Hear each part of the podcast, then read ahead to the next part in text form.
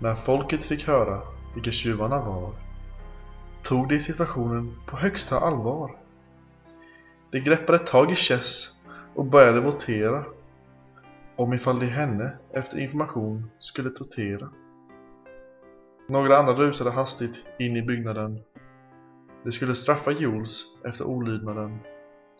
Men Jules var inte villig att möta konfrontation. Hon flög ut genom byggnaden mot Chalmers station. Att få ut information ur Chess var inte till någon nytta. Hon var full och på alla frågor började hon mytta. På de frågor Chess faktiskt svarade på bröt hon för mycket för att de andra skulle förstå. Jules slet sig från det jagande sig loss.